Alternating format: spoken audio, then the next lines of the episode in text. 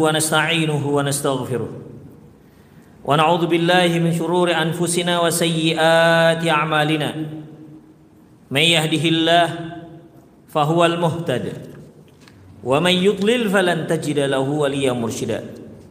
أشهد أن لا إله إلا الله وحده لا شريك له.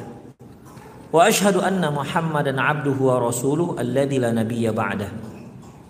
وقال الله سبحانه وتعالى يا أيها الذين آمنوا اتقوا الله حق تقاته ولا تموتن إلا وأنتم مسلمون. يا أيها الذين آمنوا اتقوا الله وقولوا قولا سديدا.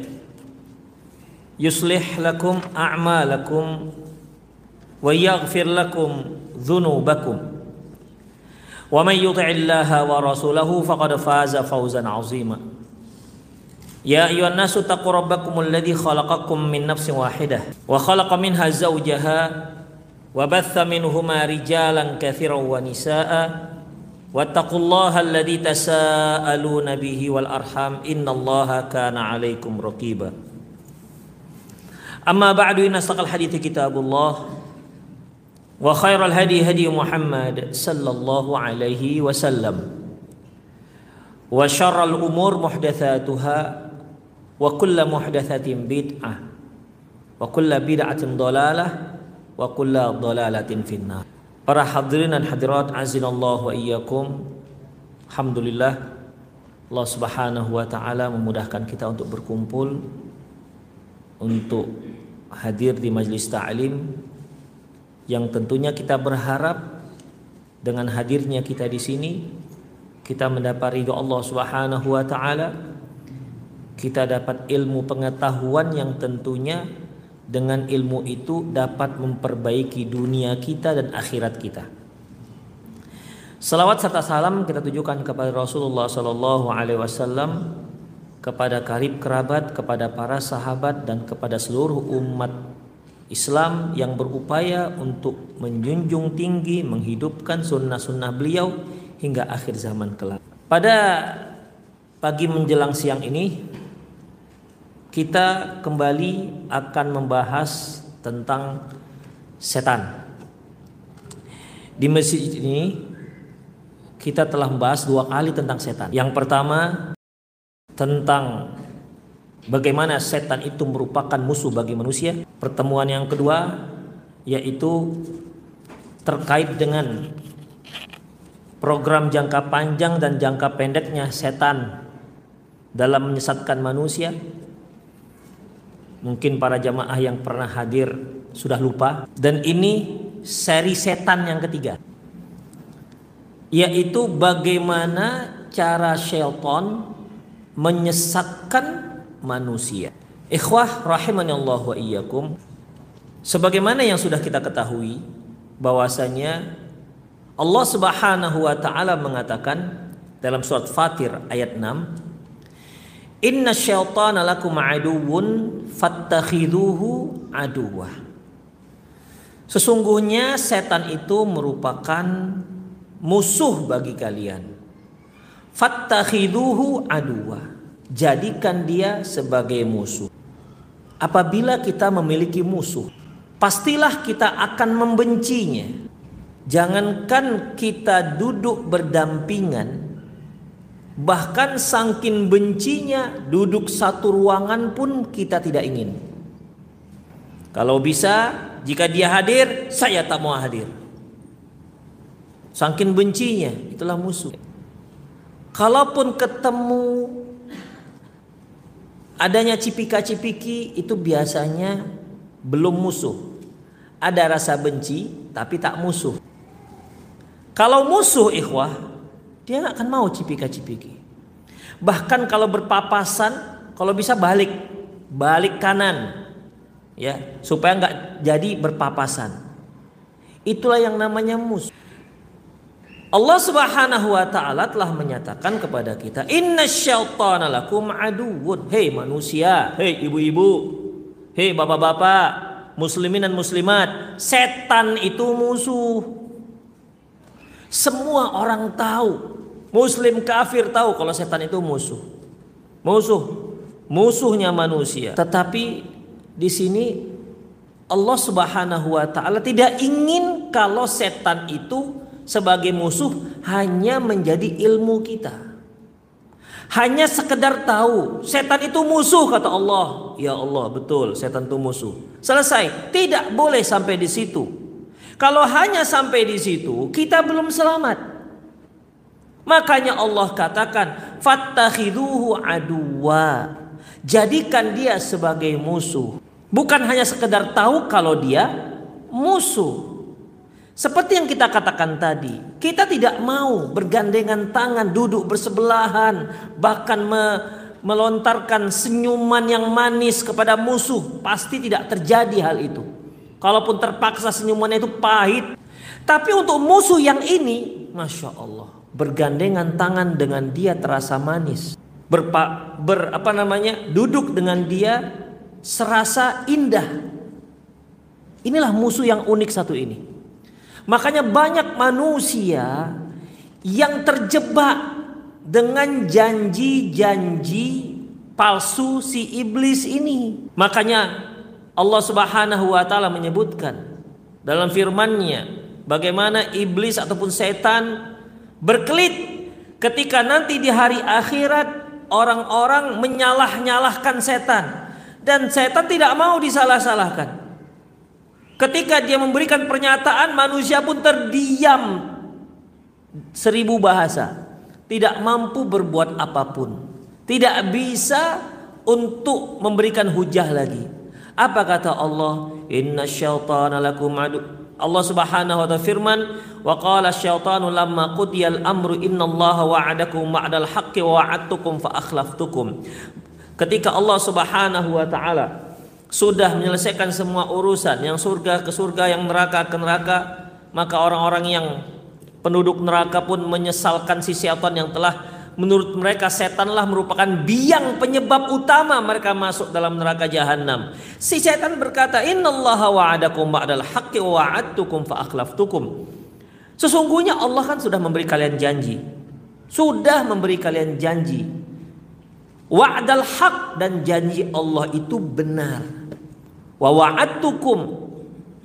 Aku juga memberi kalian janji. Fa akhlaftukum. Tapi janjiku janji palsu.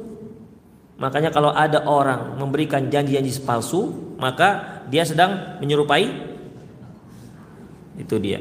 Hati-hati loh. Memang segala yang buruk itu dari setan.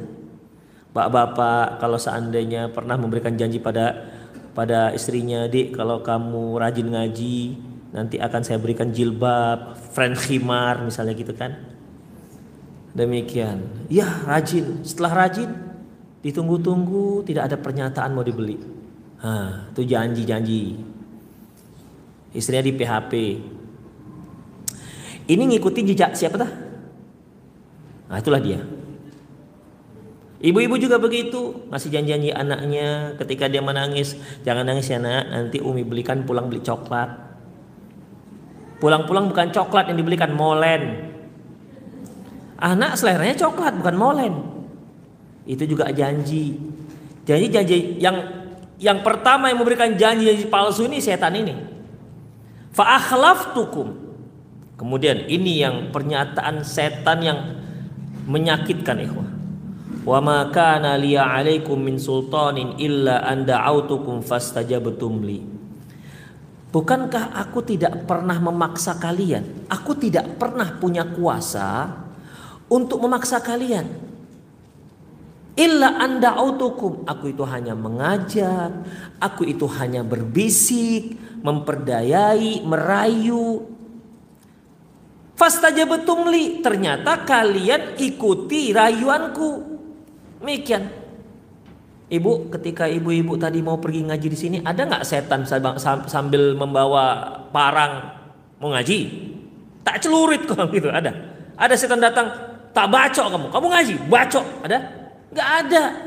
Paling bisik-bisik. Tuh apa sih ngaji? Weekend, ini kan family time. Gitu kan. Kapan lagi bersama suami? Kapan lagi bersama anak-anak? Padahal kalau nggak kalau nggak ngaji tidurnya dia sampai siang. Demikian itu bisik-bisik. Dia nggak pernah menjelma menjadi seorang preman atau pakai pistol. Kau kalau ngaji ku tembak kepalamu. Nggak pernah itu terjadi. Maaf pak, bapak usia sudah berapa pak? Pernah nggak selama usia begitu setan datang menghalang-halangi bapak? Mau ke masjid, nggak boleh lewat. Ada? Nggak ada. Demikian ikhwah. Makanya betul kata si setan. Wa makana liya alaikum min sultan. Aku tidak pernah memaksa, aku tidak punya kuasa untuk masa-masa kalian. Aku itu hanya berbisik, aku itu hanya merayu. Masalahnya betumli, kalian mau, kurayu kalian mau. Terus yang salah siapa? Fala talumuni walumu anfusakum. Makanya salahkan diri kalian sendiri. Jangan kalian salahkan diriku. Ma ana bimusrikhikum ma antum bimusrikhi. Aku tidak bisa menyelamatkan kalian sebagaimana kalian juga tidak bisa menyelamatkanku. Eh, itu ikhwah. Ya. Jadi kalau sekedar saya tahu kita iblis dan setan ini merupakan musuh kita, musuh kita, ya, tidak cukup dia harus fattakhiduhu aduwa. Jadikan dia sebagai musuh. Jangan kamu gandengan tangan dengan setan. Ya, jadikan betul-betul sebagai musuh. Sebagaimana kita kalau punya musuh di kalangan manusia, kita sangat benci dengan dia. Apalagi uh, apa namanya kita disuruh-suruh, pasti kita nggak mau disuruh-suruh musuh kita. Demikian juga jadikan setan seperti musuh seperti itu. Hati-hati. Kalau kita punya musuh kan kita hati-hati. Iya kan?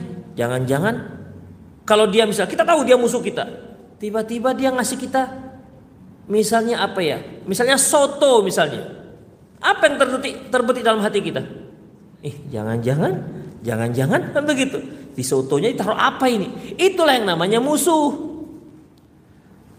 Demikian ikhwah. Tapi dengan setan inilah haula wala quwata illa billah. Kita katakan musuh dikasih soto disantap dengan kita.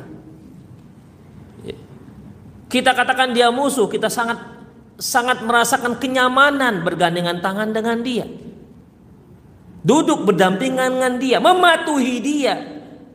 Makanya Allah katakan, "Fattakhidhu aduwa." Kalian jadikan dia sebagai musuh.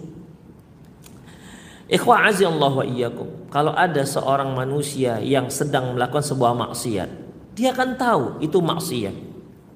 Maksiat itu dibenci oleh Allah Subhanahu wa taala. Setiap yang dibenci oleh Allah Subhanahu wa taala pasti disukai syaitan. Ya. Kullu ibadatin mahbubatun lil mahbuba mahbubatun lillahi maghbudatun syaitan. Semua ibadah yang dicintai oleh Allah Subhanahu wa taala pasti dibenci oleh syaitan. Demikian juga sebaliknya.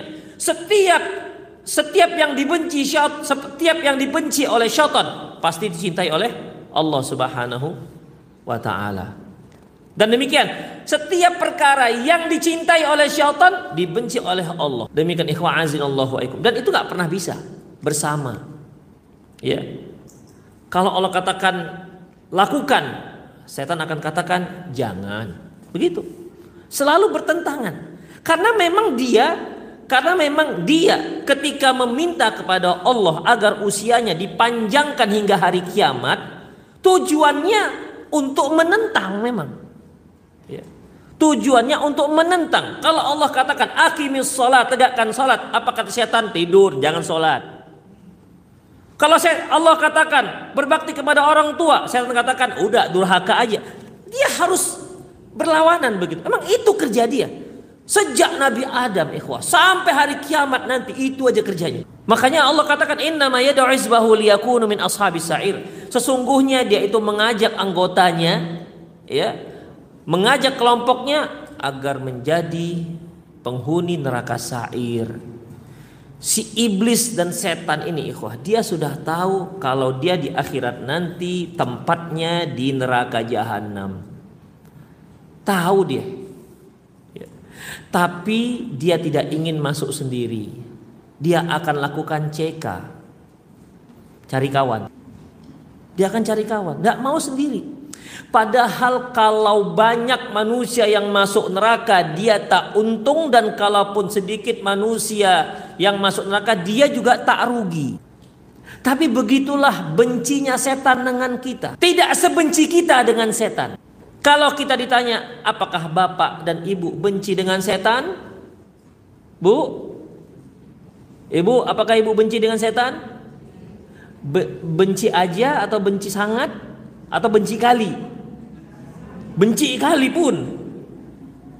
Orang Medan saking saking gemesnya benci aku pakai K dia. Benci kali. Demikian ikhwah. Tapi kan itu di bibir. Bisa saja lain di bibir, lain di hati. Iya kan? Bisa saja lain di bibir, lain di hati. Buah semangka berdaun sirih kata orang. Demikian ikhwah Allah wa iyyakum. Makanya yang terpenting bagi kita gimana caranya agar kita tidak terpedaya dengan setan.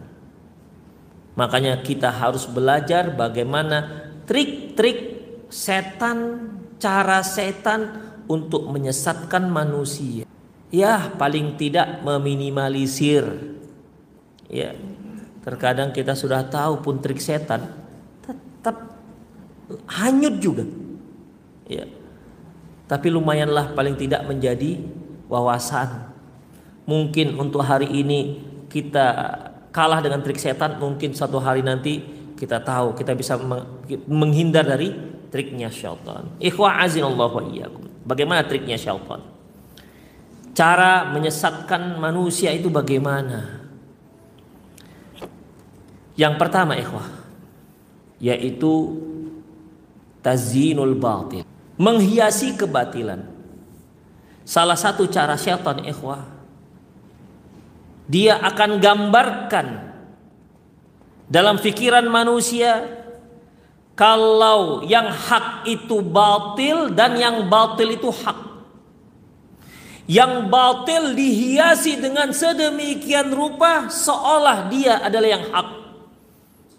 Dan salah satu sifat manusia ikhwah, ya. Salah satu sifat manusia, apabila dia meyakini itu benar, dia akan pertahankan. Dia akan pertahankan dan dia akan perjuangkan kalau dia sudah yakin itu benar. Permasalahannya adalah betul nggak itu sebuah kebenaran? Demikian juga sebaliknya, kalau dia yakini itu sebuah kesalahan, dia akan menghindar dan dia dia akan buang jauh-jauh ini kesalahan ini. Permasalahannya, betul nggak itu sebuah kesalahan? Demikian ikhwah. Setan ini akan berupaya menghiasi agar yang batil itu akan terlihat sebuah kebenaran dan dia akan berupaya mencabik-cabik yang namanya keba, keba, apa namanya kebenaran seolah dia dia terlihat menjadi sebuah kebatilan. Itulah ikhwah azinallah wa iyyakum. Ya.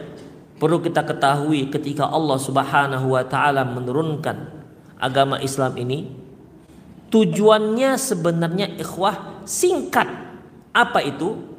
jalbul masalih wa, takmiluha untuk mendapatkan maslahat, untuk mendapatkan faedah, untuk mendapatkan kebaikan bagi manusia, wa takmiluha dan menyempurnakan kebaikan itu dengan syariat Islam. Kemudian wadaf'ul madar dan untuk menghilangkan, untuk menghindari kemudaratan, kerusakan. Watakliluha minimal minimal itu meminimalisirnya menyedikitkannya. Kalaupun kita nggak bisa menolak semua minimal ada bisa kita sedikitkan kita minimalisir. Itu fungsi syariat inti daripada fungsi syariat. Makanya setiap yang diperintahkan oleh Allah Subhanahu wa taala itu ada kandungan maslahat. Ingat, maslahat dan kebaikan ini bukan untuk Allah, tapi untuk kita sendiri. Makanya kalau ada orang-orang yang tak menghiraukan perintah Allah, yang rugi siapa? Dirinya sendiri.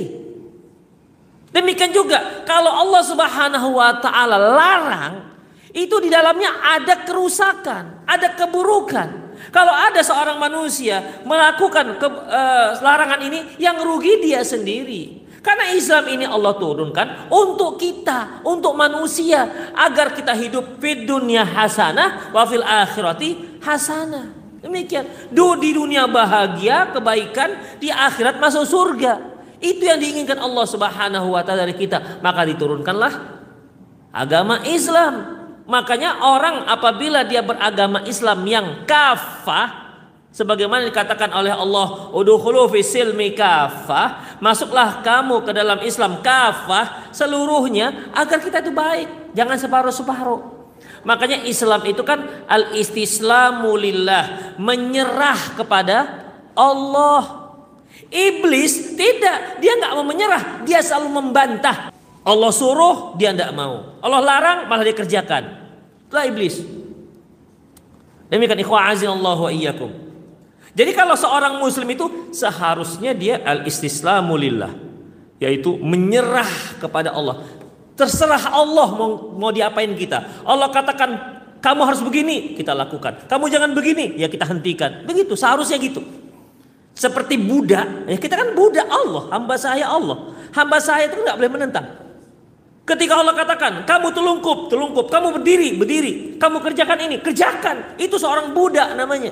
Kita kalau kalau sedang berinfak yang 2000 yang hanya Abdullah min ham, dari hamba Allah Padahal menjadi hamba Allah itu bukan mudah. Ya kita harus berusaha menjadi hamba Allah. Ada seorang manusia yang Allah katakan hamba Allah. Siapa itu Rasulullah SAW?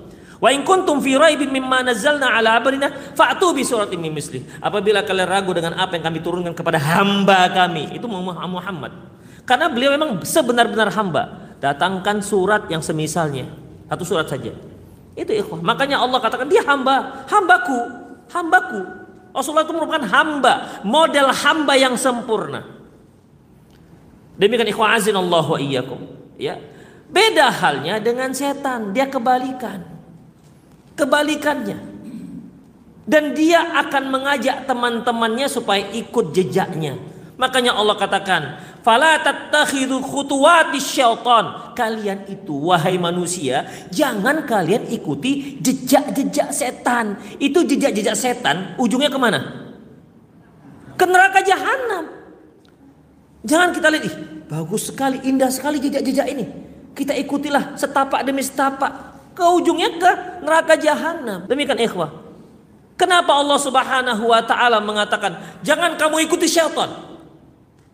Allah katakan fala tattabi khutuwati syaitan. Jangan kalian ikuti jejak-jejak setan karena memang setan itu dalam menyesatkan manusia tidak sekaligus.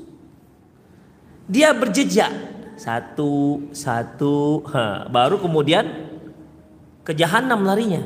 Demikian ikhwah. Jadi oleh karena itu ikhwah azinallahu iyyakum yang pertama yang dilakukan oleh syaitan tazinul batil tazinul batil, menghiasi sebuah kebatilan. Makanya kalau kita lihat para apa namanya keyakinan-keyakinan yang batil, pemahaman-pemahaman yang batil, bukankah banyak pendukung-pendukungnya? Banyak. Banyak. Antum katakan dalil apa pun, kami nggak terima. Mereka ada pejuang-pejuangnya, ikhwah. Warasu dipimpin siapa ini? Pejuang-pejuang mereka? Setan. Demikian ikhwah itulah dia. Allah Subhanahu wa taala menceritakan tentang misinya syaitan. Dalam surat Al Al-Hijr ayat 39 dan 40. Ini merupakan komitmen si iblis ketika komitmen iblis ketika dia diusir oleh Allah Subhanahu wa taala di surga. Apa katanya? Qala rabbi bima. Ya Allah, karena engkau telah tetapkan aku sebagai hambamu, sebagai makhlukmu yang sesat. Jadi setan ataupun iblis itu telah ditetapkan sebagai hamba yang sesat. Sampai mati si iblis tetap sesat. Maka jangan ada yang bertanya, Ustadz, seandainya iblis itu bertaubat, apakah diterima taubatnya? Gimana mau kita jawab Pak? Apa jawabannya Bu? Diterima Allah nggak kalau seandainya iblis itu bertaubat? Tuh kan bingung kan? Iblis itu sudah Allah tetapkan masuk neraka. Dia tak akan tobat. Makanya jangan ada satupun di antara kita yang berupaya saya kepingin berdakwah pada iblis. Jangan. Ya, nggak akan taubat dia. Allah sudah tetapkan dia nggak akan taubat. Jadi pertanyaan ini kurang tepat. Ya. Takdir Allah untuk si iblis nggak akan tobat. Buktinya ketika Allah Subhanahu wa taala marah dengan dia, ya, di saat Nabi Adam juga dikarenakan dia nggak mau sujud pada Adam, demikian juga Allah keluarkan Nabi Adam dari surganya karena kesalahan dia makan makan pohon yang dilarang. Kita lihat ketika si iblis ini tidak mau melakukan perintah Allah, dia katakan, "Kenapa kamu nggak mau melaksanakan perintahku?" Iblis menjawab, aku tuh lebih baik ketimbang si Adam. Aku lebih baik ketimbang si Adam.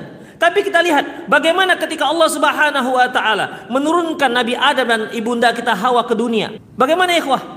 Tobat kepada Allah. Fatalaqqa Adamu min rabbih kalimatin fataba alaihi. Nabi Adam mendapatkan satu kalimat.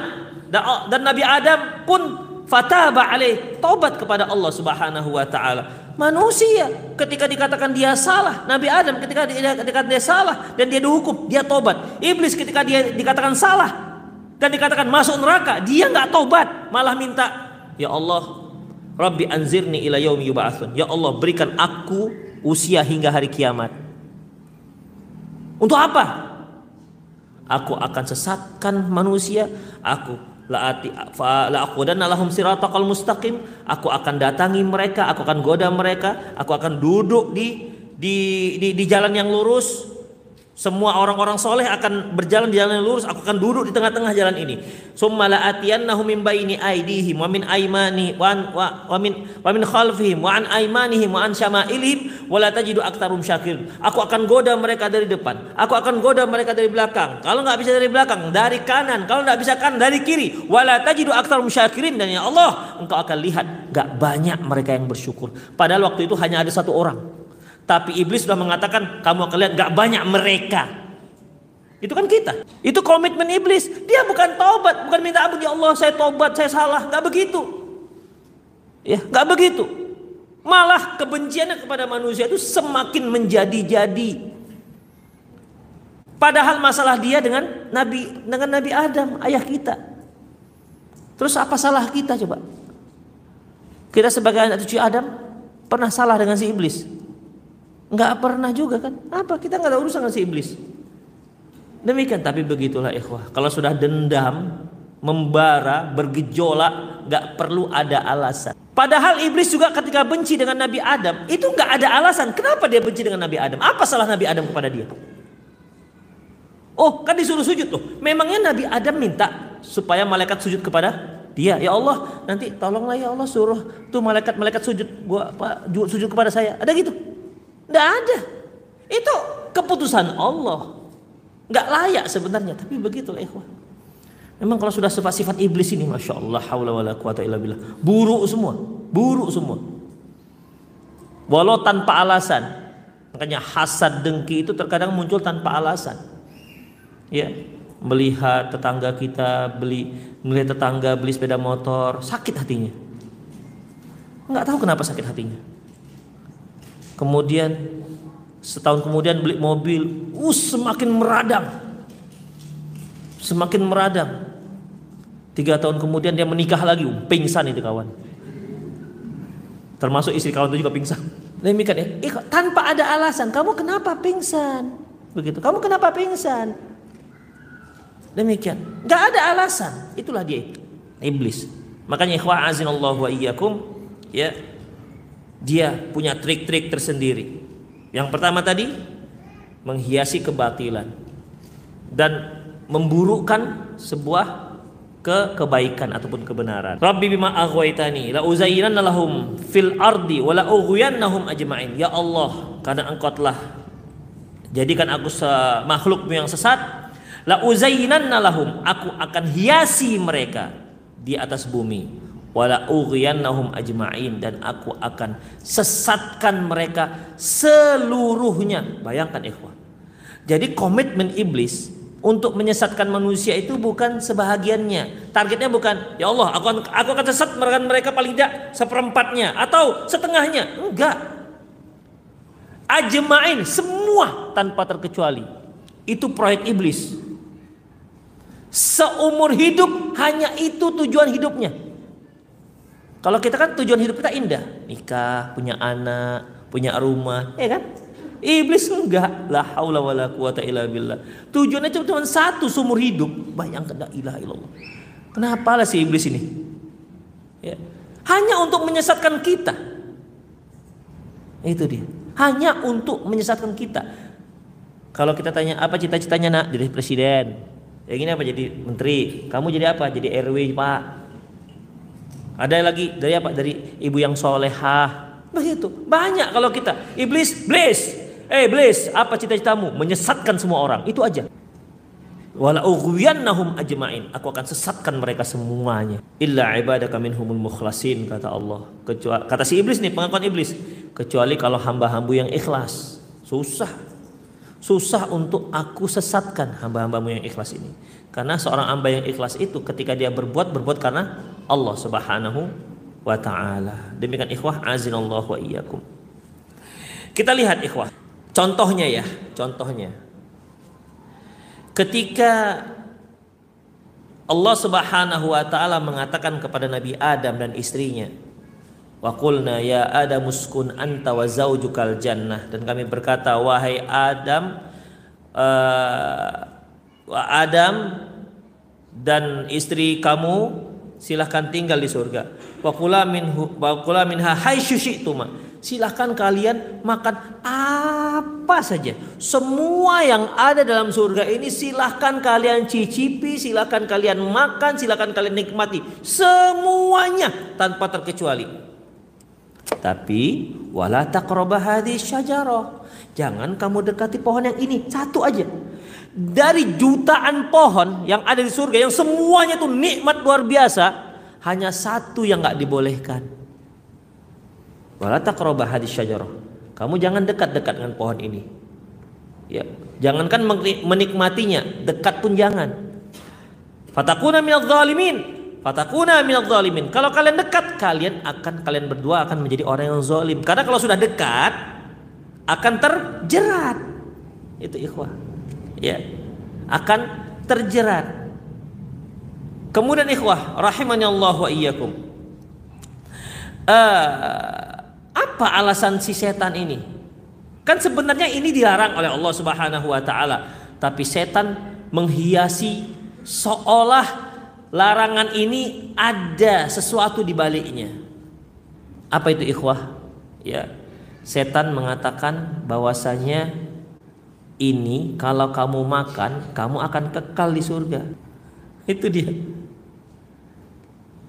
Yang namanya manusia kan suka yang nama yang namanya manusia kan suka kalau punya usia bisa seribu tahun. Ya kan? Bisa suka awet muda. Gimana bu? Senang nggak bu kalau awet muda? Bu? Senang makanya ibu-ibu kalau sudah usia 35 tahun dia beli krim beli anti aging supaya kolagen kolagen di wajahnya tetap ada tetap lihat awet muda.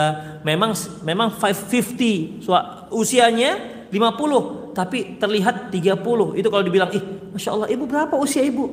50 ih seperti 25 ya bu ya? Itu Masya Allah tuh seperti melayang ser melayang melayang melayang. Apa sih rasinya bu? Hmm, kamu nenyi? Gitu gitu. Demikian ikhwah. Senang. Ya kita juga seperti itu. Ya kita laki-laki juga seperti itu. Teman tidak separah kaum ibu-ibu. Ya separah kaum ibu-ibu. Demikian ikhwah azinallahu wa iyyakum. Itulah dia. Ya. Makanya ketika Nabi Adam dikatakan oleh iblis dia tahu ini ikhwah. Iblis itu perlu kita ketahui ikhwah. Iblis ini saking cerdasnya dan memang dia cerdas dia punya apa namanya punya kecerdasan bisa menilai makhluk yang namanya manusia Makanya Allah katakan, Rasulullah mengatakan, ketika pertama sekali Allah menciptakan Nabi Adam, sebelum ditiupkan nyawa, dibiarkan dulu. Iblis datang, keliling dia, keliling, keliling, keliling sambil mengamati. Ketika dia tahu bahwasanya manusia itu makhluk yang ada rongganya, dalam kita ini ada rongganya, maka iblis pun punya kesimpulan. Dia tahu bahwasanya ini manusia tidak punya pendirian. Begitu. Umumnya nggak punya pendirian, mudah digoda.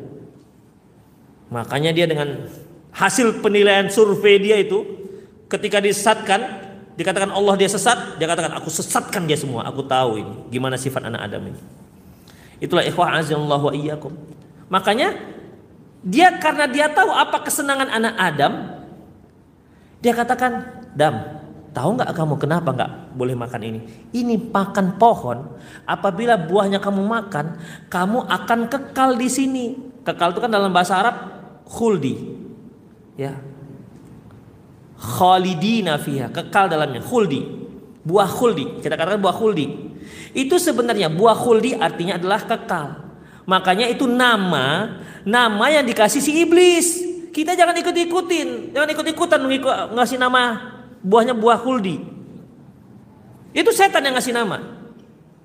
Dimakan oleh Adam, nyangkut di leher, muncul jakun katanya gitu. Itu nggak tahu dari mana itu asal usulnya. Kaum wanita ketika lewat tenggorokan aman, ketika sampai dada, jadilah buah dada. Khurafat dari mana saya nggak tahu juga itu. Saya dengar dari sejak kecil. Demikian ikhwah. Kan dari kecil kita katakan itu Nabi Adam makan buah khuldi kan? Ya kan? Itu khuldi setan yang ngasih nama. Jadi jangan ikut-ikutan dengan setan ngasih nama. Taib ikhwah Ketika dikatakan, "Dam, ini kalau kamu makan, kamu akan kekal di sini." Akhirnya tergoda tergoda, dekat-dekat. Kalau sudah dekat, terjerat. Itu ikhwah. Makanya dalam Islam kalau ada Allah Subhanahu wa taala mengatakan jangan kamu dekat-dekati ini, maka jangan dekat-dekat. Karena dekat saja itu akan terjerat. Seperti apa? Gak boleh dekat-dekat. Zina, kamu jangan dekat-dekat. Makanya orang yang dekat-dekat zina umumnya terjatuh pada perzinahan.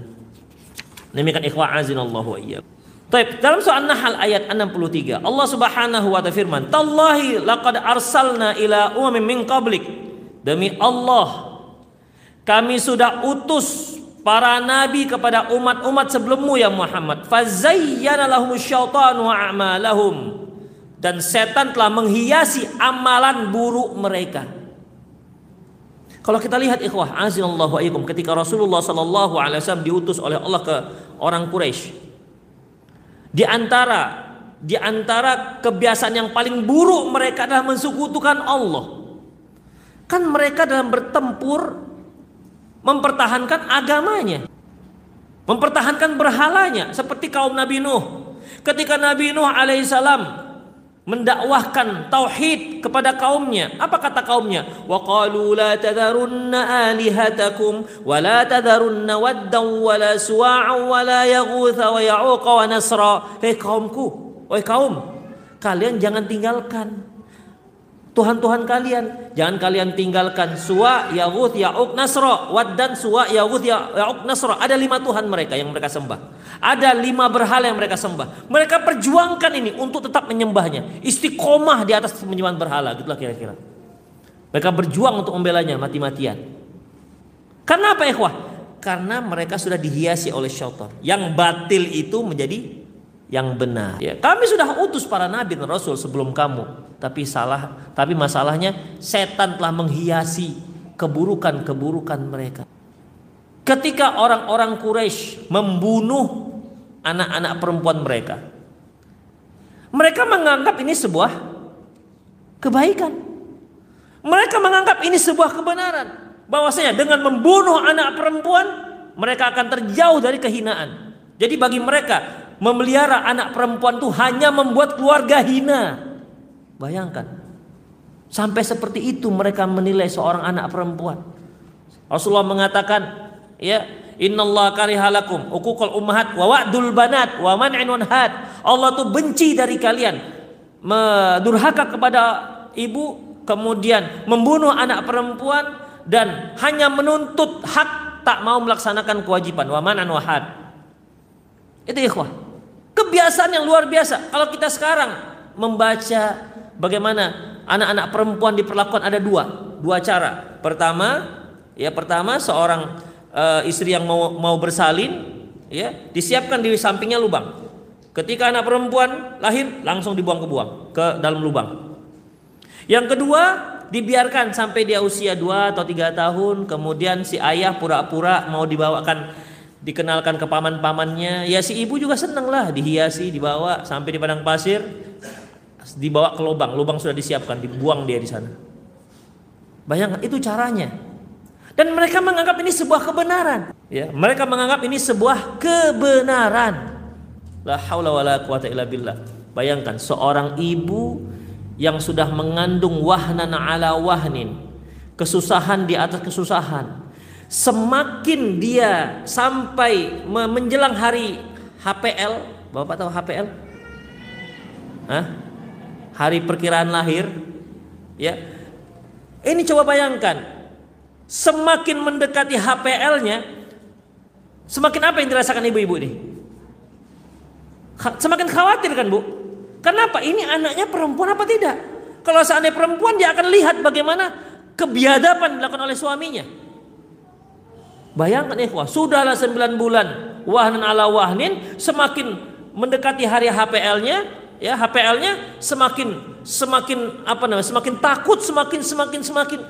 Masya Allah. Sementara seorang ibu itu ketika melahirkan dia butuh support dia butuh kejiwaan yang kuat. Demikian, namun tidak demikian dilakukan oleh orang-orang Quraisy waktu itu terhadap wanita. Demikian, dan itu mereka anggap sebuah keyakinan yang benar. Maka dalam Islam harus dimusnahkan. Demikian ikhwan wa iyyakum. Di antara cara iblis menghiasi sesuatu yang batil yaitu dengan merubah nama. Itu cara iblis. Merubah nama. Ya, seperti yang tadi kita sebutkan ketika Nabi Adam digoda oleh iblis dalam surat Toha ayat 120 iblis mengatakan ya Adam wahai Adam hal adulluka ala syajaratin wa mulkin la yabla syajaratil khuldi wa mulki la yabla Adam mau enggak engkau aku tunjukkan satu pohon yang apabila engkau makan ini buah pohon ini membuat engkau akan akan senantiasa engkau akan abadi wa mulkil la dan kamu akan memiliki kerajaan yang tak pernah punah. Itu. Ya. Jadi buah yang terlarang itu dihiasi namanya menjadi buah khuldi, buah eh, keabadian. Buah yang menyebabkan pohon yang menyebabkan kerajaan yang tak akan pernah hapus. Itu dia, diberi nama. Dan itu terjadi sekarang ikhwah azinallahu iyyakum. Pelacur dibilang apa sekarang? Hah? PSK, peker, apa Pak? Pekerja komersial sosial apa? Itulah pokoknya PSK, perempuan ah itulah pokoknya saya pun nggak mau juga saya ngapal-ngapal itu. Kan ketika dikatakan e, ibu sebagai apa? E, apa profesinya? PSK, Pak. Halus dia. Coba ibu ibu apa profesinya pelacur oh pelacur kau sana sana sana begitu kan langsung konotasinya nggak bagus sudah pelacur makanya nggak usah pakai PSK PSK dia ngapain pelacur itu bilang biar tetap buruk image-nya tapi kalau dia nggak dia apa ke dia apa profesinya PSK bu kembang-kembang kertas kupu-kupu malam hele kupu-kupu malam Begitu. Untuk menghaluskan sebuah kemungkaran. Gak boleh. Ya. Katakan pelacur. Sudah habis cerita. Dukun dibilang apa Pak? Paranormal. Jadi keren dia jadi. jadi keren. Mau ke mana Pak? Pergi ke ini orang pandai. Gitu sekarang. Orang pandai. Bilanglah dukun. Gak usah buka rubah-rubah namanya. Mau ke mana Pak? Mau ke dukun. Heh, ke dukun langsung kan image-nya nggak bagus tapi mau ke mana pak orang pandai oh sepandai apa dia ini ini cara setan untuk merubah membuat image sesuatu yang jelek itu menjadi baik dengan merubah namanya. Demikian ikhwah. Dengan merubah namanya. Itu di antaranya kalau khomer di dalam bahasa Arab banyak. Banyak nama-namanya ya. Nama-namanya yang buat di, yang mereka buat tuh indah-indah. Seperti Ummul Afrah. Ibunya kesenangan. Jadi minuman ibu kesenangan. Jadi kalau orang minum kesenang terus. Itu dia dirubah namanya dan ini merupakan salah satu triknya setan ya supaya mengubah image sesuatu yang buruk menjadi menjadi baik hewan yang haram dimakan apa Pak yang disebutkan dalam Al-Quran Yang sering disebutkan dalam Al-Quran apa namanya? Khinzir kan babi, ya kan? Bapak dan ibu mendengar kalimat babi jijik nggak? Jijik. Kalau saya naik sepeda motor begitu kan di samping di sana kan di Medan namanya juga banyak orang Kristen. Mereka ada bawa babi itu pakai pick up. Lewat di samping kita. Eh, mak, babi. Kita sudah menghindar itu. Bahkan kalau di pasar itu ada jual-jual babi, kita sudah menghindar. Kenapa? Jijik kita. Ya. Walaupun tempatnya bersih, keramik, tidak ada tidak ada kotor, tapi karena jual babi, jijik kita, ikhwah. Nah, sekarang orang-orang tertentu berupaya agar membuat babi itu satu hal hewan yang imut-imut. Dibuatlah uh, bonekanya, namanya kan jadi babi, Peggy. Uh, ya kan? Mulailah kaum muslimin beli boneka Peggy, babi, babi imut, so. Demikian itu untuk merubah-rubah begitu. Akhirnya lama kelamaan babi itu tidak lagi hewan yang menjijikkan. Demikian. Itu merupakan satu trik. Kenapa? Kenapa? Untuk kartun-kartun tuh apa namanya babi. Memang gak ada yang lain. Jerapah ada, kuda ada, apalagi dongki ada, ratusan hewan. Kenapa yang dipilih babi? Begitulah ikhwah azilullah wa iyyakum. Baik. Itu yang pertama. Setengah sebelas. Yang kedua, yaitu dengan ifrad wa tafrid. Ifrad ini ikhwah beramal tapi melebihi batas atas, ekstrim kita katakan. Adapun tafrid itu melalaikan. Iblis ini ketika dia melihat ada seorang yang semangat dalam kebaikan, rajin ke masjid, semangat dalam beribadah, rajin berinfak, dia tidak akan goda orang ini bagaimana caranya agar dia minum khamar pasti kalah. Dia nggak akan goda orang ini dengan cara mengajak dia supaya melacur itu pasti kalah dia. Berjudi pasti kalah. Dia punya trik gimana caranya? Karena orang ini semangat dalam beribadah, melakukan kebaikan, gimana caranya agar mereka ini melakukan sesuatu melebihi dari syariat. Makanya ikhwah ketika ada tiga orang datang ke rumah Aisyah radhiyallahu anha mentanya, bertanya tentang bagaimana ibadahnya Rasulullah sallallahu alaihi wasallam. Aisyah pun menceritakan ibadahnya Rasulullah. Tapi menurut yang difahami oleh tiga orang ini, mereka simpulkan Rasulullah itu kan uh, telah diampuni dosa yang lalu dan yang akan datang sementara kita tidak oleh karena itu kita harus melakukan lebih daripada itu sehingga salah seorang mereka orang pertama mengatakan wallahi inilah akumu wala anam. Yang satu mengatakan demi Allah aku akan sholat malam satu malam suntuk. Tak akan tidur tidur jadi setiap malam dia sholat malam terus tak ada tidur malam. Yang satu mengatakan wallahi inilah asumu wala uftir. Satu lagi mengatakan demi Allah, aku akan puasa setiap hari, tidak pernah libur. Yang satu mengatakan wallahi inilah tazawujun nisa. Yang satu mengatakan demi Allah, aku tidak akan pernah menikah. Tiga-tiga ini niatnya untuk agar lebih dekat kepada Allah, agar lebih dekat kepada Allah. Tiga pernyataan ini dilaporkan Aisyah radhiyallahu anha kepada Rasulullah SAW. Yang menarik dalam kisah ini ikhwah, Rasulullah tidak mengatakan coba panggil tiga orang ini. Enggak. Rasulullah melihat ini penyakit yang dapat bertebar di kalangan kaum muslimin. Makanya nasihatnya seluruh kaum muslimin sebagai tindakan preventif jangan terjadi seperti ini. Beliau naik mimbar. Naik mimbar kemudian apa yang beliau katakan? Fama balu aqwamun yaquluna kadza wa kadza. Kok masih ada satu orang-orang yang mengatakan begini dan begitu? Wallahi inilah atqakum wa akhsyakum fillah. Demi Allah, aku adalah orang yang paling takwa dan yang paling takut kepada Allah ketimbang kalian semua. Tidak ada, bahasanya kan tidak ada orang yang lebih bertakwa di antara kalian melebihi takwaku. Dan tidak ada orang yang lebih baik lebih takut kepada Allah ketimbang takutku kepada Allah Subhanahu wa taala. Kan itu maksudnya. Walakin nih aku mau anam. Aku sholat malam, ah, tapi aku juga tidur. Wa asumu wa uftir. Aku juga puasa, tapi kan ada liburnya juga. Wa atazawajun nisa. Aku juga menikahi wanita. Jadi artinya kalau kalian kalau kalian melebihi dari apa yang aku aku lakukan, ya, bukan berarti kalian itu lebih bertakwa. Kan tidak ada yang lebih takwa ketimbang aku. Pernyataan ini ditutup oleh Rasulullah SAW. Ditutup oleh Rasulullah SAW. Famar minni. Yang nggak suka dengan sunnahku maka dia tidak akan tidak termasuk kelompokku. Itu ikhwah karena melebihi dari batas. Ketika Aisyah radhiyallahu anha ditanya tentang kekah, Aisyah mengatakan potong kambing.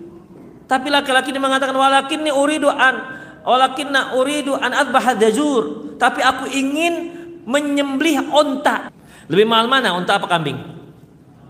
Unta, unta kan bu? Berapa harga unta sekarang bu? Mana tahu ada agen-agen unta ibu-ibu. Demikian jauh lebih mahal unta. Tapi apa kata Aisyah radhiallahu anha? As-sunnatu afdal. Memang betul unta itu lebih mahal, tapi akekah itu ibadah. Sunnah itu lebih afdal. Walaupun kambing lebih murah ketimbang unta, tapi itulah sunnah. Demikian. Jadi iblis al-la'in yang terlaknat ini ikhwah. Dia menggoda orang-orang yang semangat dalam kebaikan, semangat dalam beribadah agar dia melakukan melebihi daripada syariat. Wudhu tiga kali, maka apa? Gimana? Tujuh kali mereka buat. Begitu. Kalau kita sholat, berwudhu, dia apa? Mandi. Ini kan berlebihan. Ya, ekstrim. Ini nggak dibolehkan ikhwah rahimani Allah wa iyyakum. Ya, tidak dibolehkan. Islam itu merupakan umatan wasata, umat pertengahan. Jadi tidak ada di antara kita seorang pun yang dibolehkan, bahkan haram hukumnya. Kalau dia merasa dirinya kuat, sholat subuh dibuatnya empat rakaat, subuh dua, dikit kali. Orang Medan bilang, cuman dua, hanya dua, dua rakaat. Subuh kan kita kuat, ditambahnya lah subuh jadi enam rakaat tertolak. Itu bisikan setan itu. Ya. itu bisikan-bisikan setan. Dia punya istri satu berupaya untuk menambah istri dua. Kira-kira bisikan setan nggak nih pak? Iya kata ibu-ibu. Kata ibu-ibu iya. Apa? Saya tanya bapak-bapak aja pak. Nggak usah dengar ibu-ibu. Gimana pak? Itu bisikan setan nggak? Hah?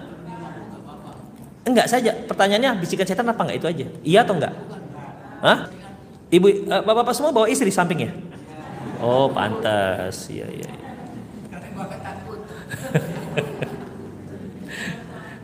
Bawa saya tanya ibu-ibu, Bu, kalau suaminya mau nikah lagi itu bisikan setan enggak, Bu?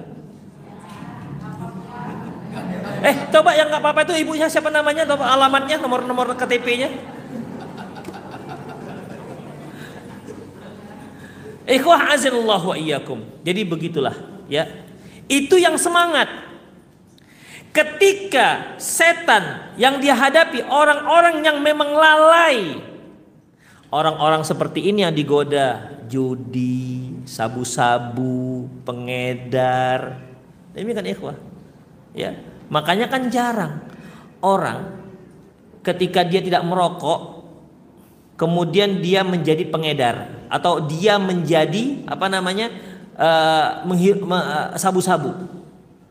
Atau tiba-tiba dia apa namanya mengganja. Jarang. Kenapa? Dari merokok dulu dia. Itu ikhwah. Azallahu iyyakum.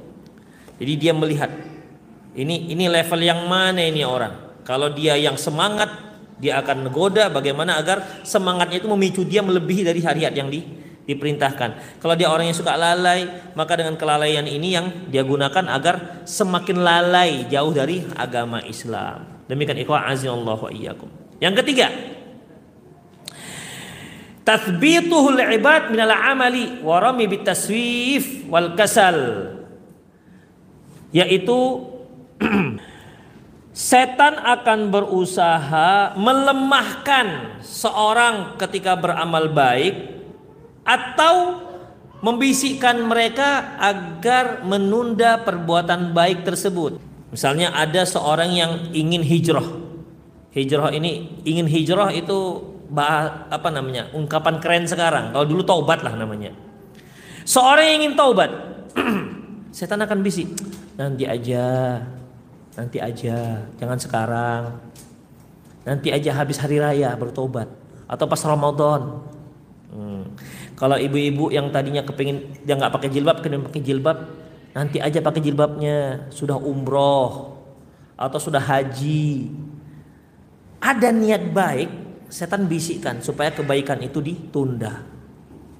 Sementara ikhwah, kebaikan kalau ditunda, semakin makin lama kita menundanya, semakin banyak kesempatan setan untuk menggagalkannya. Ya.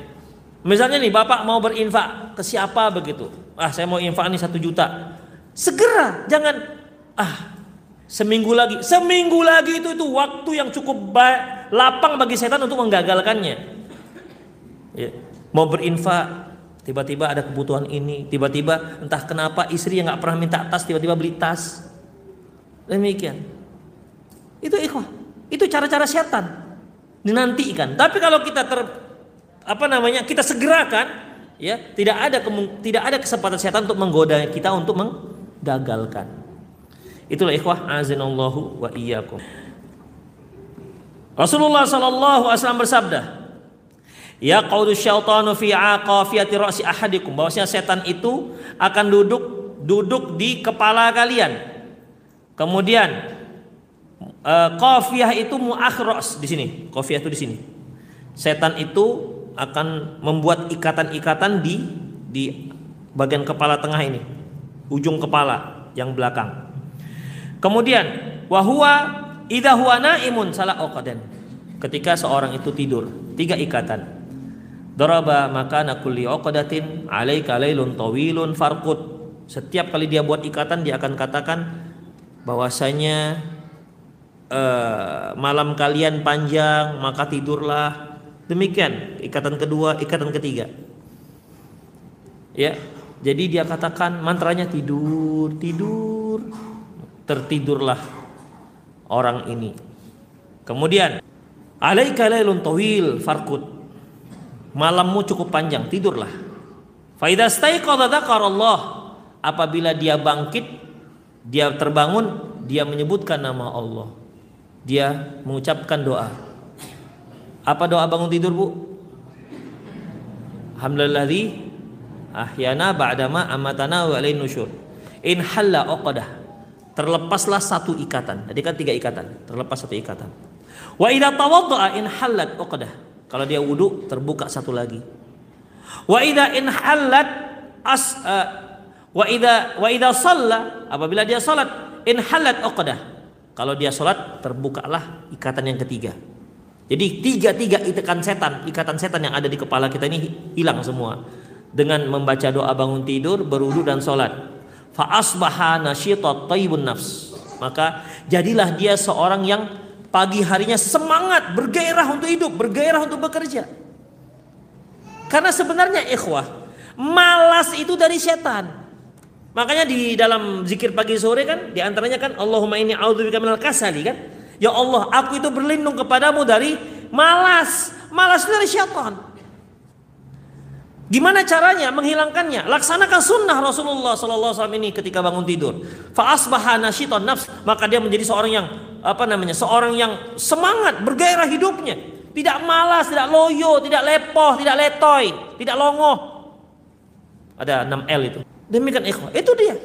Wa illa faasbaha khabisun nafs kaslan. Kalau enggak, maka ada satu atau dua dia tidak laksanakan Pagi harinya dia menjadi malas.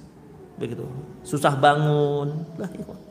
Jadi kalau kita mau menghadapi hari kita yang baru dengan semangat dan gairah kehidupan, maka laksanakan sunnah Rasulullah SAW. Walaupun tidak harus minum obat, minum M150 atau dua botol jadi 300 atau apalah namanya, dah perlu laksanakan sunnah Rasulullah. Demikian ikhwah, rahimanallahu wa iyyakum. Ya. Kalau sudah semangat seperti ini, semangat untuk melakukan kebaikan, ikhwah. Semangat termasuk kebaikan apa? Semangat mencari nafkah. Kan banyak juga bapak-bapak udah pagi males sekali mau kerja. Males sekali mau jualan. Nah, males. Kenapa? Setan tahu ini kalau nggak jualan, ya nggak dapat nafkah. Sementara nafkah itu merupakan sebuah kewajiban. Setiap tetes keringat yang mengucur dari dahi seorang suami dikarenakan dia mencari nafkah itu jihad fisabilillah dan itu merupakan apa namanya pahala yang luar biasa. Setan tahu itu, maka dibuat malas supaya malas untuk bekerja. Dek, hari ini abang tidur tidur aja. Ya udah nggak apa-apa bang, begitu kan? Nggak apa-apa. Ya istri kan nggak mungkin, nggak bisa bang. Abang, ayo, ayo, ayo, bangkit, bangkit.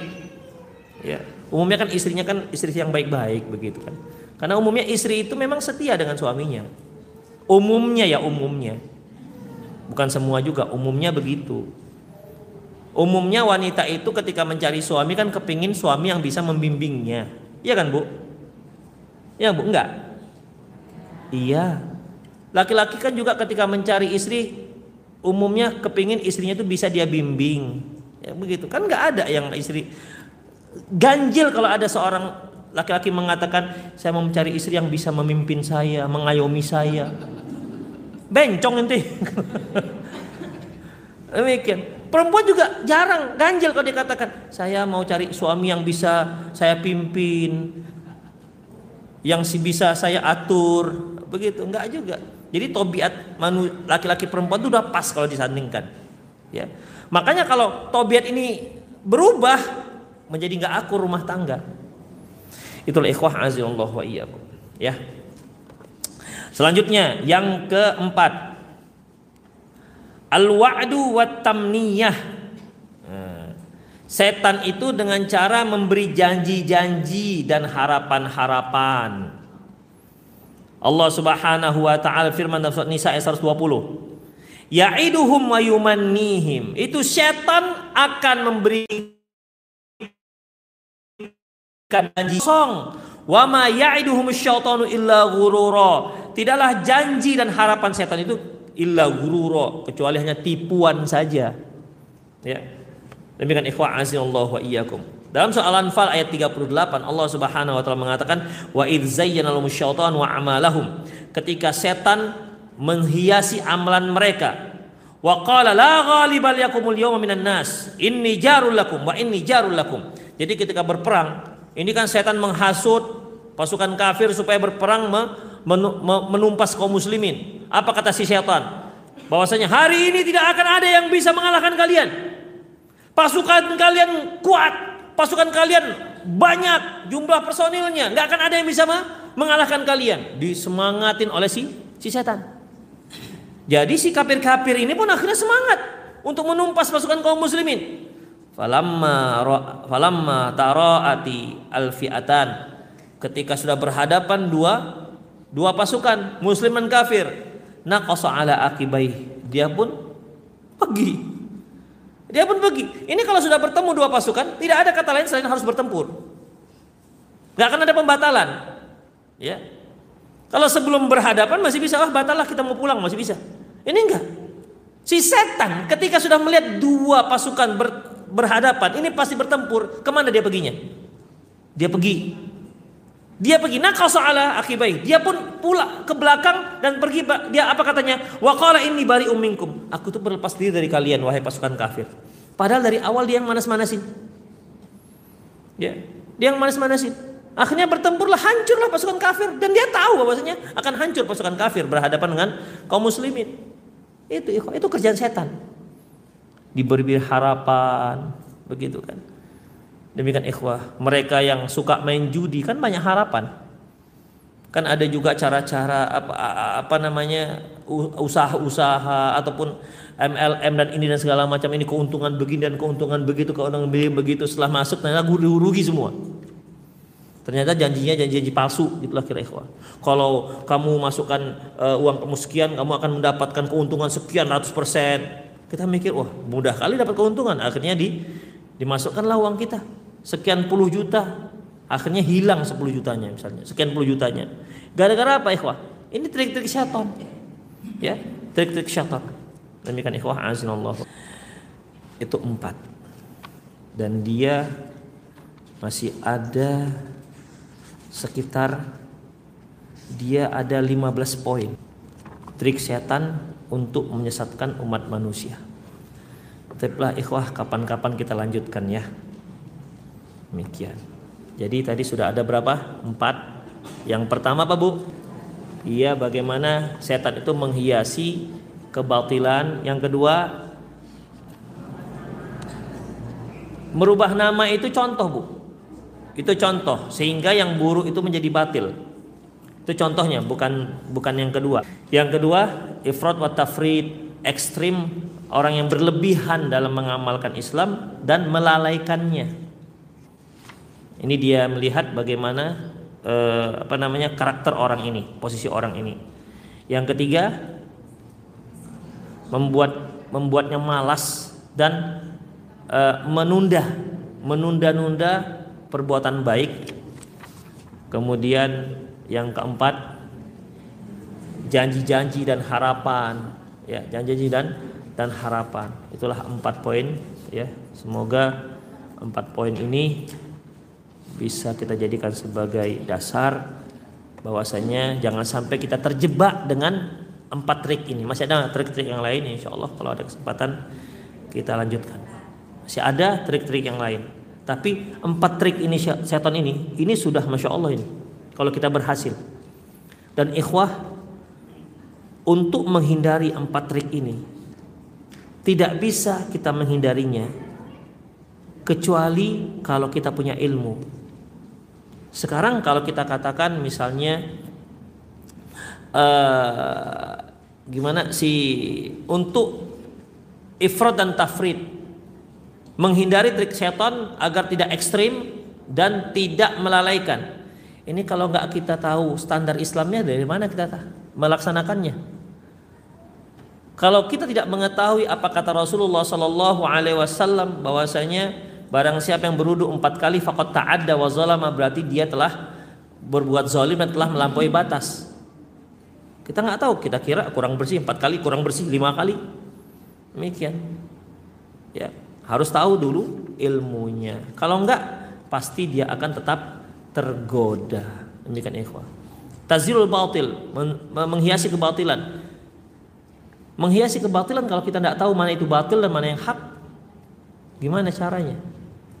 ya jadi ini semua tidak terlepas dari bagaimana kita harus menuntut ilmu ilmu syariat dan kita mohon taufik dari Allah Subhanahu wa taala. Demikian ikhwah azza wa iyyakum semoga bermanfaat. Bagi siapa ikhwah yang ingin bertanya silahkan atau juga boleh sebentar. Silakan Bapak Ibu yang ingin bertanya boleh langsung, boleh pakai kertas dan juga boleh Bapak dan Ibu boleh kirimkan ke nomor khusus tanya jawab saya di pengajian di 0813 600 600 61 0813 600 600 61 karena kita umumnya kan bawa HP gak bawa catatan. Semoga dengan ini terutama ibu-ibu juga nggak kalah cepat dengan bapak-bapak 61 0813 600 600 61 ini khusus saya buka khusus ketika kajian dan tidak menerima orderan. Ya silakan Pak. Waalaikumsalam. Ya. Ya.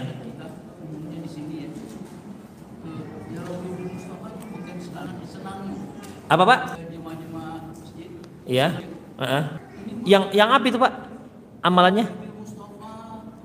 Oh, nyanyi itu. Iya, seperti itu. Iya, iya. iya. Tidak dianjurkan untuk dinyanyikan atau di, di, dilapaskan. Ya, saya nggak tahu lagu itu, Pak. Di di di sini ya sobat saya. Saya orang Medan, Pak, bukan orang sini. Ah, coba coba, Bapak.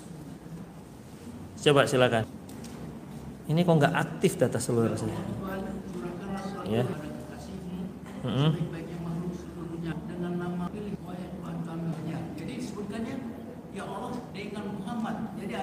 Oh. Orang-orang ini minta ampuninya.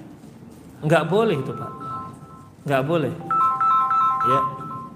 E, bukan di enggak boleh kita meminta kepada Allah Subhanahu wa taala dengan menyebut-nyebut Rasulullah Shallallahu alaihi wasallam. Dan para sahabat juga tidak pernah melakukan hal itu. Ya. Para sahabat tidak pernah melakukan hal itu. Mereka kalau minta langsung kepada Allah Subhanahu wa taala.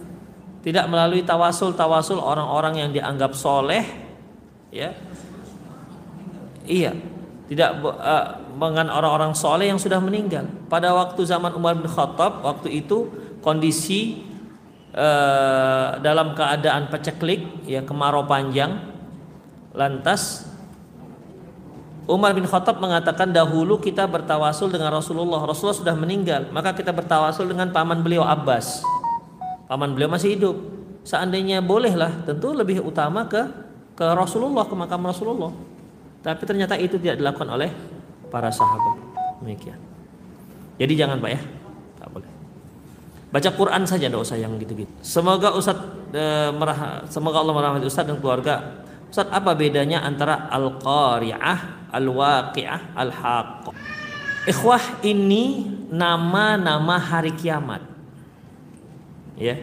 Nama-nama hari kiamat itu tidak satu.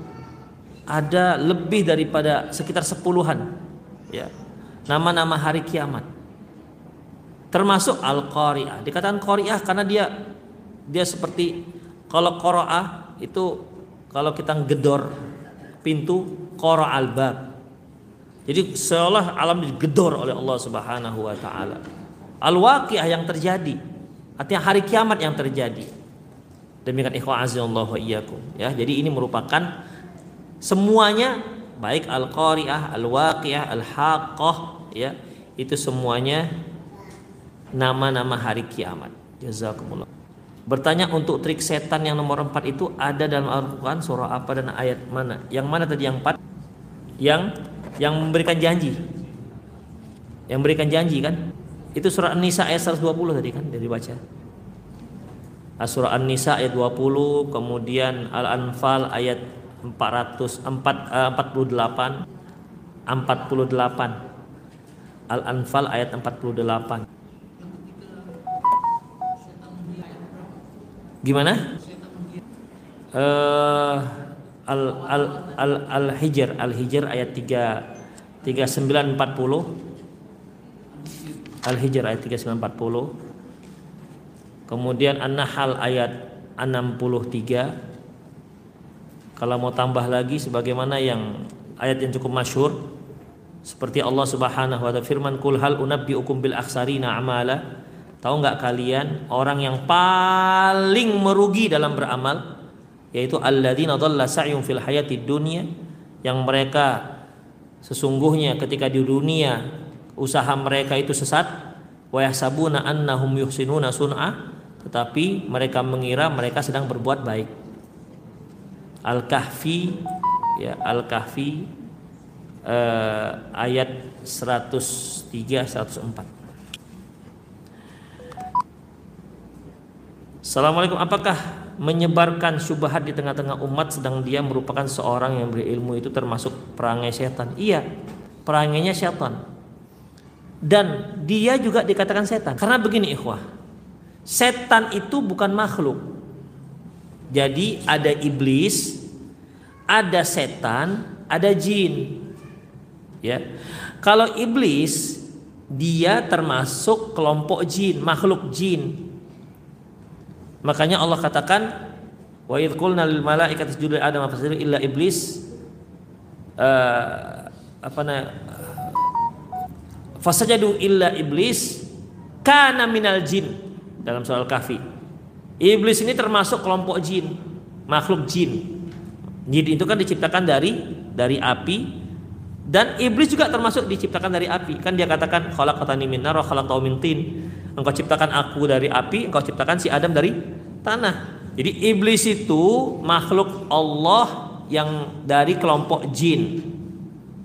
Dan iblis ini hanya satu, nggak banyak. Ya. Iblis itu hanya satu, nggak banyak. Dia ini yang dipanjangkan usia sampai hari kiamat. Yang bermasalah dengan Nabi Adam alaihissalam. Adapun setan ya, itu bisa manusia, bisa jin. Allah katakan wa kadzalika ja'alna likulli nabiyyin aduwan al insi wal jin yuhi ba'dhum ila ba'din zukhrufal qawli ghurura. Dan demikianlah kami jadikan masing-masing para nabi itu ada musuh setan-setan dari kelompok jin dan setan-setan dari manusia. Jadi kalau ada jin yang menghalang-halangi orang-orang untuk masuk ke jalan Allah, maka setanlah dia. Apabila ada manusia yang menghalang-halangi orang untuk masuk ke jalan Allah dengan cara uh, menghiasi sebuah kebatilan dan seterusnya, maka dia setan. Apakah dia iblis? Iblis nggak dia bu, Pak? Enggak, dia nggak iblis. Iblis cuma satu. Tapi setan nggak dia? Setan. Demikian. Iya. Jadi dia sifat. Manusia ini bisa. Awalnya bagus, tiba-tiba jadi setan. Bisa. Ya, bisa terjadi. Ketika dia mulai apa namanya? Dia tinggalkan kebenaran itu. Jadi setan dia jadinya. Mengajak orang-orang untuk keburukan kebatilan. Kalau ada seorang suami mengatakan kepada istrinya, istrinya mau ngaji, istrinya pakai jilbab besar, kata suaminya, "Dek, nggak usah pakai jilbab besar lah, Dek. Macam orang tua aku tengok kau, Dek." Nggak usah pakai jilbab lah. Maka suami suami apa nih bu?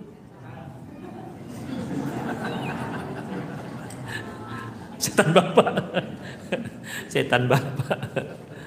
Demikian. Ya, itu dia. Jadi itu beda antara iblis, setan dan jin. Dan bagaimana mensikapi orang seperti ini yang senang menyebarkan syubhat dan kesesatan? Kalau ibu mampu, bapak mampu untuk menjawab syubhatnya, silahkan. Tapi kalau nggak mampu, tinggalkan. Dan jangan nimbrung di tempat-tempat yang syubhat. Kadang-kadang kawan-kawan para umahat berada di satu grup WA. Di situ banyak syubhatnya. Bingung dia di situ. Dia bingung syubhat di situ, ditanyakan pada ustadznya. Ustadz tolong dijawab ini ustadz.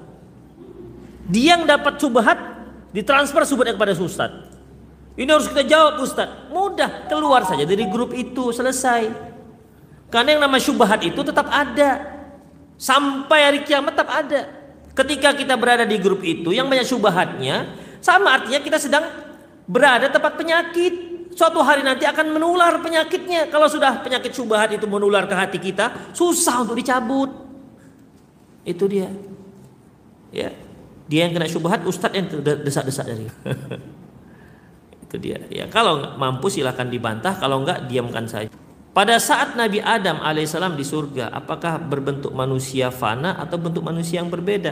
Sama seperti manusia kita sekarang ini. Hanya saja Allah Rasulullah mengatakan khalaqallahu Adam ala surati ala surati situ naziraan. Allah menciptakan Nabi Adam yang panjangnya itu 60 hasta. Hasta itu ini hasta, setengah meter lah kita katakan ya. Berarti kalau anggaplah hasta yang pendek itu setengah meter, berarti kalau 60 hasta 30 meter, tingginya 30 meter. Jadi sekitar uh, rumah tingkat berapa? Pohon kelapa berapa? 30 meter, Pak. Tengok pohon kelapa hibrida ini cuma 5 meter. Pohon kelapa mana nih yang yang kampung? ya sekitar kalau 30 meter sekitar eh, rumah tingkat-tingkat 25 lah gitu ya, tingkat 25. Itu tinggi Nabi Adam. Kemudian kata Rasulullah, maka kemudian terus manusia akhirnya menjadi kecil, kecil, kecil, kecil seperti antum-antum sekarang ini kecil-kecil. Kadang-kadang 170, kalau ibu-ibu cepek limpul, tahu cepek limpul? 150 cm, cepek 100, limpul 50. Cepek limpul. 150 cm itu pun udah udah udah pakai udah pakai sendal yang 6 6 cm sekian ada yang 160 begitu gitu ya ya.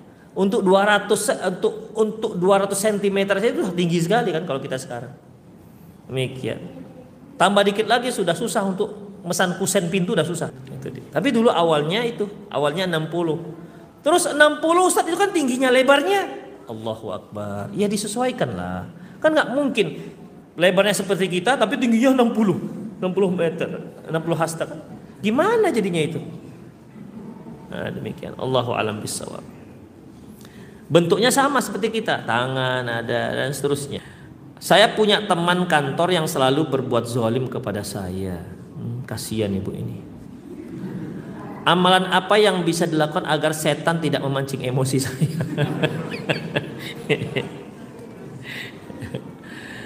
Masya Allah. Amalan yang bis agar ibu tidak terpancing oleh syaitan banyak-banyak memaafkan, ya, banyak maafkan. Berupaya untuk memaafkan. Dan ingatlah Allah itu maha pemaaf.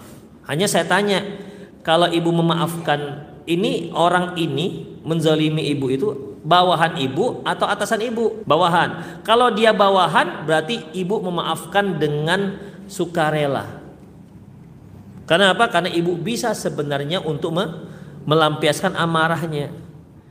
Maaf yang benar-benar ridho dengan keridoan. Tapi kalau yang menzolimi atasan ibu itu bukan ridho tapi redo, rela tapi dongkol. Demikian, terpaksa sabar. terpaksa sabar karena kalau membalas, kalau mau marah nggak berani, ya terpaksa sabar. Jadi gimana? Ya sudahlah banyak-banyak maafkan. Dan kalau yang begitu ya batasi diri jangan banyak bergaul dengan dia. Ya, jangan banyak bergaul dengan dia. Hah? kalau bawahan. Kalau bawahan yang salah kemudian ibu memaafkan ini masya Allah. Ini yang kata Rasulullah, "Man kadimal ghaid wa qadirun ayyan fadahu da'awullah ala rusul khalaik." Barang siapa yang dia menahan marahnya padahal dia sanggup untuk mengampiaskan amarahnya tapi dia sabar Allah akan panggil dia nanti di hari kiamat di hadapan seluruh makhluk ya seluruh makhluk kemudian Allah suruh silakan kamu pilih bidadari mana yang paling kau inginkan di hadapan seluruh makhluk bukan yang terpaksa terpaksa sabar tadi itu ya Memang dia bisa. Misalnya antum para suami, istri antum misalnya bertingkah. Tahu bertingkah? Apa namanya? Ya buat masalah lah. Kemudian antum maafkan begitu. Maafkan. Insya Allah itu kemaafan seorang suami kepada istrinya itu pahalanya luar biasa. Ketimbang seorang istri memaafkan suaminya. Kenapa kira-kira? Kenapa ibu-ibu? Kenapa suami memaafkan istrinya lebih besar pahalanya ketimbang istri yang memaafkan suaminya? Kenapa ibu? Yang bisa menjawab boleh pulang Kenapa Pak kira-kira? Kenapa suami memaafkan istrinya lebih besar pahalanya ketimbang istri yang memaafkan suaminya? Karena suami lebih banyak salahnya. Eh, sedih kali suaminya itu kalau istrinya banyak salah. Karena kalau suami yang memaafkan, dia sebenarnya bisa marah. Dia bisa menghukum istrinya, tapi dia maafkan. Apa contoh kesalahan istri, Bu? Berikan saya satu contoh kesalahan istri. Enggak, saya enggak, enggak nanya ibu, saya nanya bapak. Apa contoh kesalahan istri? Hah? Nggak masak? Nggak mau masak. Mungkin karena pagi taklim, siang tahsin, sore bahasa Arab gitu ya. Ngajinya Masya Allah sehari tiga kali. Macam makan tiga kali sehari. Dek, nasi mana dek? Aduh maaf bang, lagi tahsin. Lagi latihan bilang kho. ya Allah. Lebih besar pahalanya ibu masak nasi ketimbang latihan kho. Demikian. Nah, kalau begitu maafkan saja Pak ya. Oh nggak masak, udah maafkan saja. Udah pergi ke sederhana, ke mana, ke warung Padang. Kalau lebih enak. Demikian. begitu. Terus nanti di akhir bulan potong sedikit deh. Ini dulu abang nggak makan ini jam siang. Kalau kesalahan suami apa bu? Banyaknya. Masalah apa banyaknya? Apa bu? Biasanya umumnya yang kesalahan yang banyak dilakukan suami bu. Apa? Kurang perhatian. Iya kurang perhatian ya bu? Oh cuman ibu aja yang bilang berarti yang lain enggak oh sama semua. Masya allah. Kurang perhatian. Iya pak betul. Itu kurang perhatian. Ya. Karena karena definisi perhatian ibu-ibu beda dengan perhatian kita itu dia. Perhatian ibu-ibu itu tanya gimana di sehat walafiat, gimana uang belanja cukup, itu perhatian mereka. Ya. Kalau diam saja kita, misalnya kan uh, misalnya begini kalau ibu-ibu bilang, "Bang, gimana, Bang? Udah cantik belum, Bang?" Nah, gitu kan. Sudah. Nah, kalau suami kan sudah gitu kan. Selesai. Dia maunya, "Oh, Masya Allah cantik, Allahu Akbar, la haula wala quwata illa billah." Maunya begitu. baru senang mereka. Demikian. Karena sering kita dapat SMS dari istri. Kadang-kadang sampai satu halaman itu kan harus di scroll lagi ke bawah. Kita jawabnya alhamdulillah. Kita aja kita jawab kan. Kadang-kadang kirim jempol tuh aja. Ting jempol aja selesai. Bagi mereka itu bagi yang nggak paham apalah suami saya ini nggak perhatian. Satu halaman seperti scroll tiga kali baru selesai. Jawabannya cuma jempol satu. Ya begitulah laki-laki. Demikian. Bagi mereka ya kalau kita laki-laki kan nggak gitu banyak yang namanya fashion ya kan. Emak-emak banyak keinginannya. Antum tahu warna coklat itu sampai 12.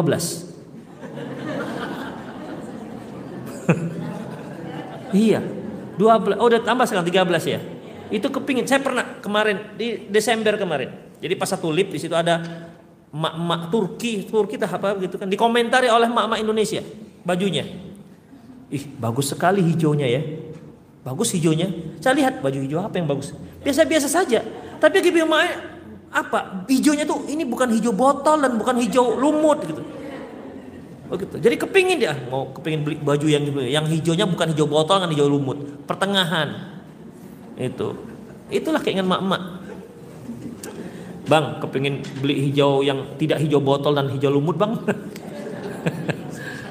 iya, itulah dia. Kalau kita kan, Bu, Dek kan sudah beli yang warna hijau. Iya, Bang, itu kan hijau lumut, hijau botol belum. Coklat itu kan coklat, ada coklat wood, coklat apa? Coklat kayu. Coklat apa lagi, Bu? Tuh, ada berapa coklat? itu. Itu belum lagi merek, Pak. Belum lagi merek. Kepinginnya yang merek Sasisu, ha, begitu kan misalnya. Itu dia kepingin. Astagfirullah mak-mak ini. Tapi tanggapilah Pak ya.